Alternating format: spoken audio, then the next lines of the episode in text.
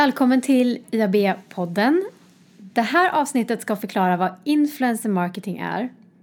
Och till min hjälp har jag Linda Palmgren, ordförande för IABs Task Force Influencer Marketing. Välkommen Linda! Tusen tack! Influencer marketing är ett väldigt hett ord. Det är en miljardindustri i dagens läge. De omsätter väldigt mycket pengar och får väldigt mycket uppmärksamhet. Men jag tror också att det finns en hel del missförstånd i, i vad och hur man använder influencer marketing. Vad skulle du säga är definitionen av, av influencer marketing, Linda? Eh, en influencer är en person eh, som själv är avsändare av sina kanaler och har en följarskara som är större än bara liksom, sin egen vänskapskrets. Eh, och som påverkar och engagerar följare över tid. För det handlar ju om att man har en förmåga att skapa innehåll som berör över tid. Eh, så att man på ett eller annat sätt berör människor och har, har en dialog med människor och bygger relationer. Vem använder sig av influencer marketing? Vilket slags företag eller vilken slags produkt? Det är väl som jag ser det varumärken som vill förstärka just relationen som vi är inne på med sin aktuella målgrupp, det vill säga de människor de vill nå. Eh, de vill antagligen bygga sitt varumärke Eh, och driva någon form av call to action. Ehm, det kan vara driva försäljning, driva trafik till en fysisk plats eller till en butik. Så ehm, det är väl liksom grunden i varför man kommer och det är ju någonstans också grunden i, i all marknadsföring är ju varför man gör det. Det vill säga någonstans så finns det ett syfte att skapa en relation, man vill nå en målgrupp och eh, bästa sättet att göra det för just den produkten eller tjänsten då att eh, helt enkelt berätta en historia genom de här människorna. Så att det är lättare att göra det med hjälp av en, en person än att lägga ut en annons bara? Ja, eftersom dagens samhälle handlar ju om relationer. Eh, att ju starkare relation du har med din målgrupp desto större är ju möjligheterna att de också blir lojala kunder. Så det är väl en sån klassisk sales funnel egentligen, att du vill bygga och stärka relationerna och det finns inget enklare sätt idag att göra det genom människor som redan har en massa vänner ute på sina sociala medier. Eh, och där har du ju någon slags genväg till att etablera relation med någon som redan har gjort den resan mm. på lång sikt. Då. Mm. Så det handlar mycket om att skapa innehåll? Ja. Mm. Kan man använda influencer marketing för bara en viss tjänst eller en viss handel? Eller funkar det för, funkar det för alla varumärken? Eh, det är klart att det funkar för alla varumärken. Eh, för grunden är ju, det spelar inte egentligen någon roll längre om du har en produkt eller en tjänst eh, du vill förmedla. Utan det handlar om historien du berättar och historien om ditt varumärke och det emotionella värdet i det du vill kommunicera till din målgrupp. Eh, för det handlar mer och mer i dagens samhälle om det emotionella värdet för att skapa och bygga relationer och det är där grunden någonstans vi, det är mänskligheten det handlar om. Eh, att vi tycker människor gillar människor mer än varumärken och medier. Så hur funkar köpprocessen då, när man ska om jag sitter där med, med en, en produkt eller en tjänst som jag, vill, som jag vill nå ut med. Hur funkar det då? Vem tar, vem tar första steget? Väljer jag vem den personen jag vill ska företräda mitt, mitt varumärke eller min produkt? Berätta hur det går till. Ja, det är ju väldigt olika eh, såklart. Dels så kan det ju vara att vi eh, i den här marknaden någonstans söker upp de företagen som vi tycker eller som profilerna som de olika eh, nätverken eller agenturerna representerar önskar att jobba med. Eh, och sen kan det ju vara åt andra hållet att det är byråer eller eh, kunder direkt som hör av sig till de olika typer av företag som finns på marknaden idag. Och jag skulle säga att det är otroligt olika beroende på vad man har för eh, mål med det samarbetet. Det kan ju vara att man egentligen har en ganska klar Eh, vision kring så här, det här ska det ge och vi vill jobba med eh, bara instagrammare som ska visualisera vårt varumärke för att det ska förlänga en annan kampanj och det ska vara så här många profiler och det ska ge den här mixen. Så man kanske har en ganska klar bild kring vad man har för uppdrag att så här, delge. Eh, till att man faktiskt är med och skapar möjligheter för varumärken eh, som vill göra skillnad i sin målgrupp att eh, helt enkelt matchningen, det vill säga vilken målgrupp är det man vill kommunicera till och vilka relationer är det vill vi bygga mm. eh, och vilka personer som man helt enkelt ser är bäst lämpade för att stärka och bygga den relationen med sitt varumärke. Och sen utifrån vilket innehåll man ska skapa handlar ju om och vilka kanaler eh, vi hamnar på handlar ju om vilka profiler som man helt enkelt har valt. För att någonstans så blir ju det sekundärt eftersom det är relationen med personen, det vill säga influencern, som är det viktigaste och inte vilken kanal de faktiskt distribuerar ut sitt innehåll på. Okay. Um, Skulle du säga att, att den personen är den viktigare än kanalvalet? Beror inte det lite på vart målgruppen finns? Jo, grunden är ju såklart att, att titta på var man når sin målgrupp. Mm. Och det är väl grunden i all typ av kommunikation när man vill kommunicera. Eh, och det är väl jätteviktigt att tänka just på när det gäller influencer marketing för att det är så lätt att se bara profilen. Mm. Att man väljer en eh, Sofie Farman eller man väljer en Clara Henry eller vem det nu kan vara. Medan det viktigaste är ju att titta på vilka människor de här människorna påverkar och hur de agerar. Ehm, jag har hört många exempel där man ser att väldigt nischade ehm, personer på sociala medier som kanske bara har några hundra följare ehm, men det kanske är alla, alla hundra som gör exakt det du säger att liksom dina rekommendationer som du ger eh, gör exakt det för att det finns något otroligt engagemang och det är en väldigt specialitet av olika slag. Medans, eh, så jag tror att vikten fortfarande är ju alltid att se så här, var befinner sig målgruppen. Men om du har en person som du vet kommunicerar till den målgruppen då spelar det inte så stor roll om det är på Youtube, Snapchat eller Instagram och ofta så är det ju flera kanaler som man är aktiv på. Mm. För du skapar ju också som profil eh, synergier mellan plattformarna för att driva trafik på olika sätt. Mm. Så det behöver inte nödvändigtvis vara den största och den mest kända personen man jobbar med utan det är mer den som är mest rätt för för din målgrupp. Det skulle jag säga. Mm. Och det är också syfte och mål med det man samarbetar, eller i samarbetet. För eh, är målet att nå ut och ha så stor räckvidd som möjligt så det är klart att du når ju den räckvidden mycket snabbare med en person som både har ett varumärke och en stor reach. Um, men i det här sammanhanget så är det ju det du vill skapa ju relationen och vill du bygga relationer så vill du jobba med någon som är rätt för ditt varumärke och återigen det vi är inne på att se till att verkligen nå den målgrupp som du vill nå och, och bygga relation med. Um, så jag tror man ska försöka titta lite bakom den här profilen också, att se vilka följare har de, hur um, tidigare kampanjer, hur har de sett ut och inte bara se på följarskara, reach, räckvidd och de, de faktiska talen utan också titta på tidigare samarbeten och vad de har genererat. Mm. Uh, för det är där någonstans du ser hur benägen målgruppen är att faktiskt uh, aktivera sig i den typen av sammanhang. Och om jag som, som, eh, som annonsör jobbar med en, en byrå, är det, ligger det hos mig att ta reda på allt det här eller är det, är det den som jag jobbar med som kommer med och hjälper mig med all den här informationen? Idag finns det ju väldigt många professionella aktörer på marknaden eh, och flera av dem sitter ju i våran taskforce. Eh, och jag kan säga att det är väldigt, väldigt många idag som eh, av varumärken då som kommer till de här aktörerna ute på marknaden och får fantastisk hjälp i det här. För att det är ju en djungel att ge sig ut i om man inte har kunskapen. Eh, och alla som är aktiva på, i branschen idag har ju kunskap om det eh, och erfarenheten eftersom de gör flera tusentals kampanjer så ser man ju också andra typer av eh, trender och tendenser i det man gör. Så jag tror att det är viktigt att jobba med en professionell partner som faktiskt har kunskapen, inte bara om profilerna utan också om vad som händer i sociala medier och kunskapen i hur man får det här, den här effekten som man faktiskt är ute efter. Mm.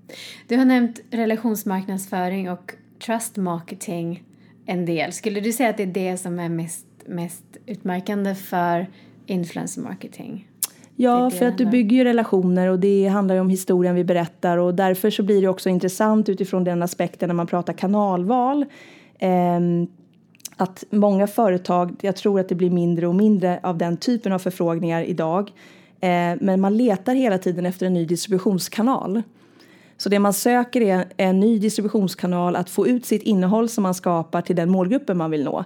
Eh, och helt plötsligt så, jaha, men nu är de inte där längre, nu är de här. Mm. Eh, och då tänker man content att vi skapar content och sen ska det ut. Och det är fortfarande push i liksom mycket. Istället tror jag man måste förstå att, eh, att börja från den andra ändan. Att titta på vem är det som kan ta flaggan för mitt varumärke. Eh, tänka långsiktigt. Jag förstår att alla resultat och allt ska komma här och nu. Eh, men man måste tänka långsiktigt och knyta sig an människor som man tror kan vara rätt. Och då är det många som säger att ja, men hur vet jag att den personen är rätt? Och jag tror att det vet man inte från starten utan det handlar om att våga pröva sig fram. och ha modet till att kanske prova olika vägar och någon väg som man kanske inte alls hade tänkt sig från starten. För det är då du verkligen ser vilken väg som funkar bäst för ditt varumärke. Mm. Och så kan man liksom utforska den vägen än mer. Så um, det finns inga enkla svar utan det viktigaste är att liksom bottna i vem du är du vill välja in, eh, våga pröva sig fram och sen ehm, eh, hela tiden utmana då sig själv egentligen i, i, den, i det samarbetet då. Mm. Skulle, man, man, kunna, skulle man kunna jobba med fler än en, en person? Absolut, mm. absolut. Och jag tror det är ganska vanligt idag att du kanske väljer ut en eller två eller tre personer som är starkare kopplat till varumärket och kanske även skapa synergi genom att ta in dem i andra typer av samarbeten eller vara en del av den andra kommunikationen eller plattformen man skapar eller event eller någonting annat. Eh, men sen kanske man har liksom eh, flera eller ganska många profiler till och med som gör kampanjer regelbundet.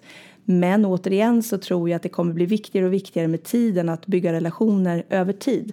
Så att det inte bara dyker upp som små tomtebloss här och där utan att man faktiskt eh, jobbar långsiktigt. För det är relationer som ska byggas och det är ditt varumärke och det emotionella värdet i ditt varumärke som du vill få ut och skapa en lojalitet till. Och det vet alla att eh, man gifter sig inte efter första gången man har träffat någon. Eller det är väldigt få som gör i alla fall. Gud vad skönt. ja.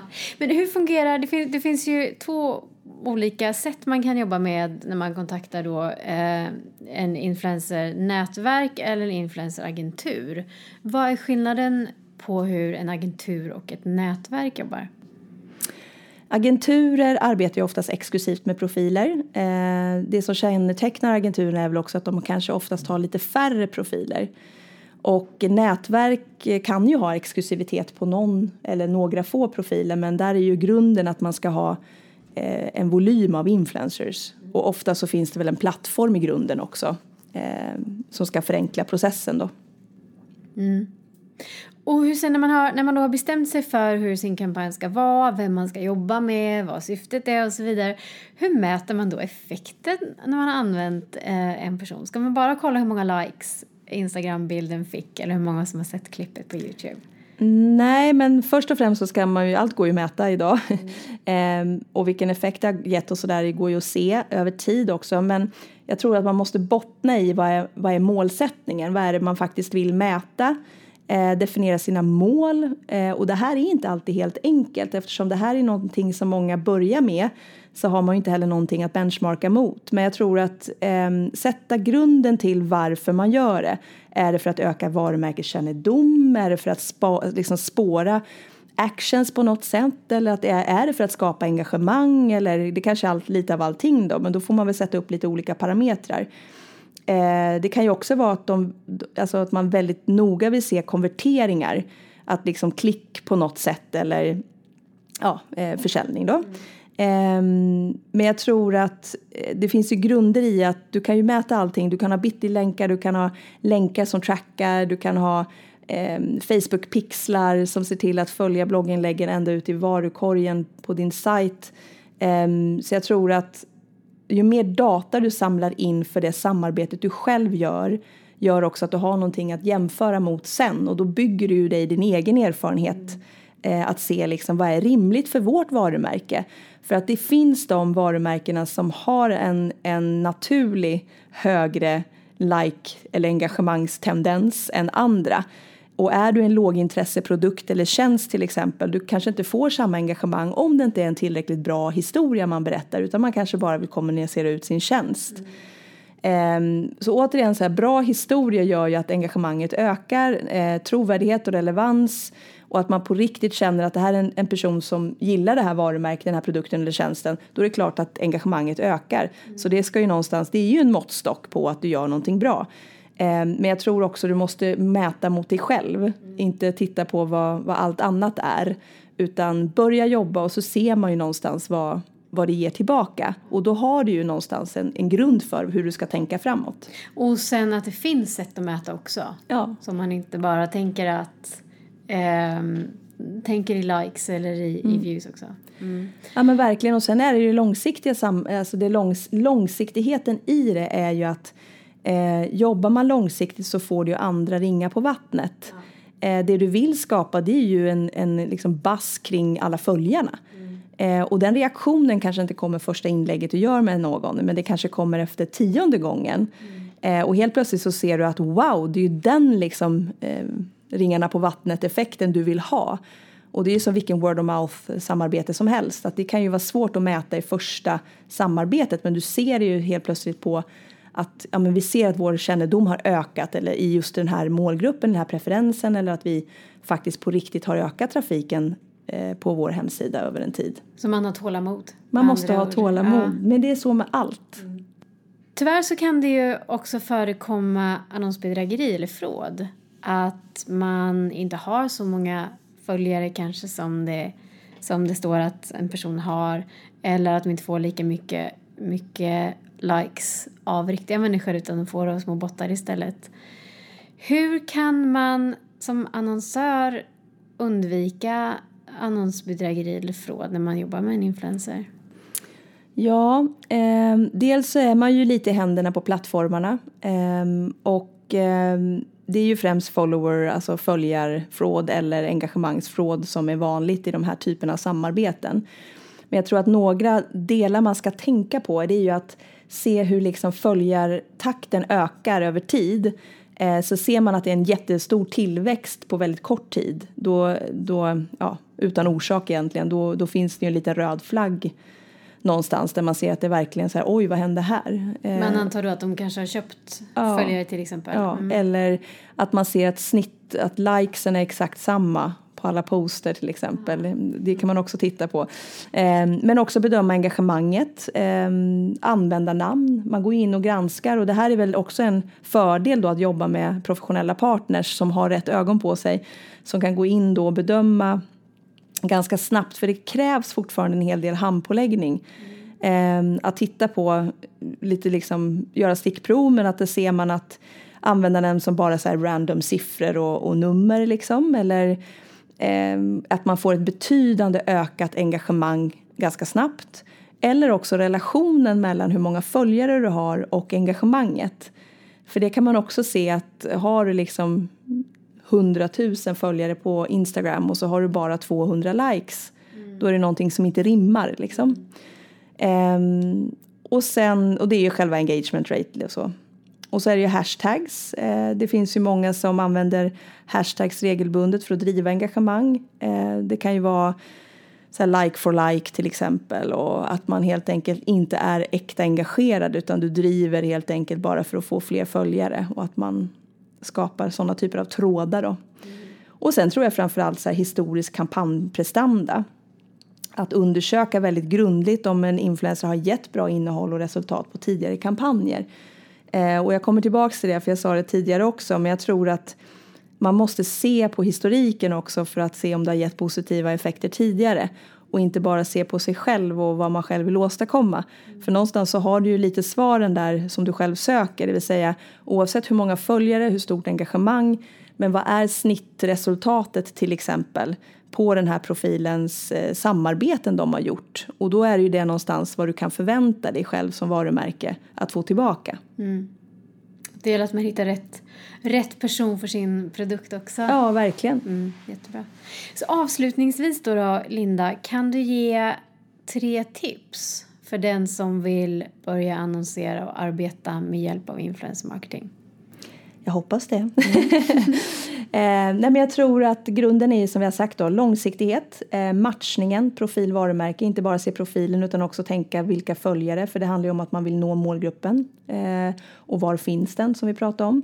För relationer bygger vi inte över en dag eller över ett inlägg utan det krävs eh, uthållighet och, och långsiktighet för att bygga relationer. Eh, det andra tipset är väl då som jag sa då innehållet. Att tänka på liksom vilken historia man berättar.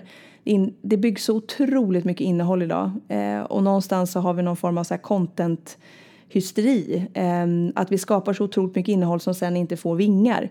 Så att grunden är ju att skapa bra innehåll, eh, bygga och fördjupa relationerna över tid och skapa synergier mellan de här människorna som du faktiskt har valt in att bygga ditt varumärke och dina egna plattformar och det du själv gör. Eh, så att du bygger mycket mer synergier mellan alla plattformar och eh, även se till att det här innehållet får vingar på ett eller annat sätt då, genom performance marketing. Eh, och den sista delen är ju att vara tydlig.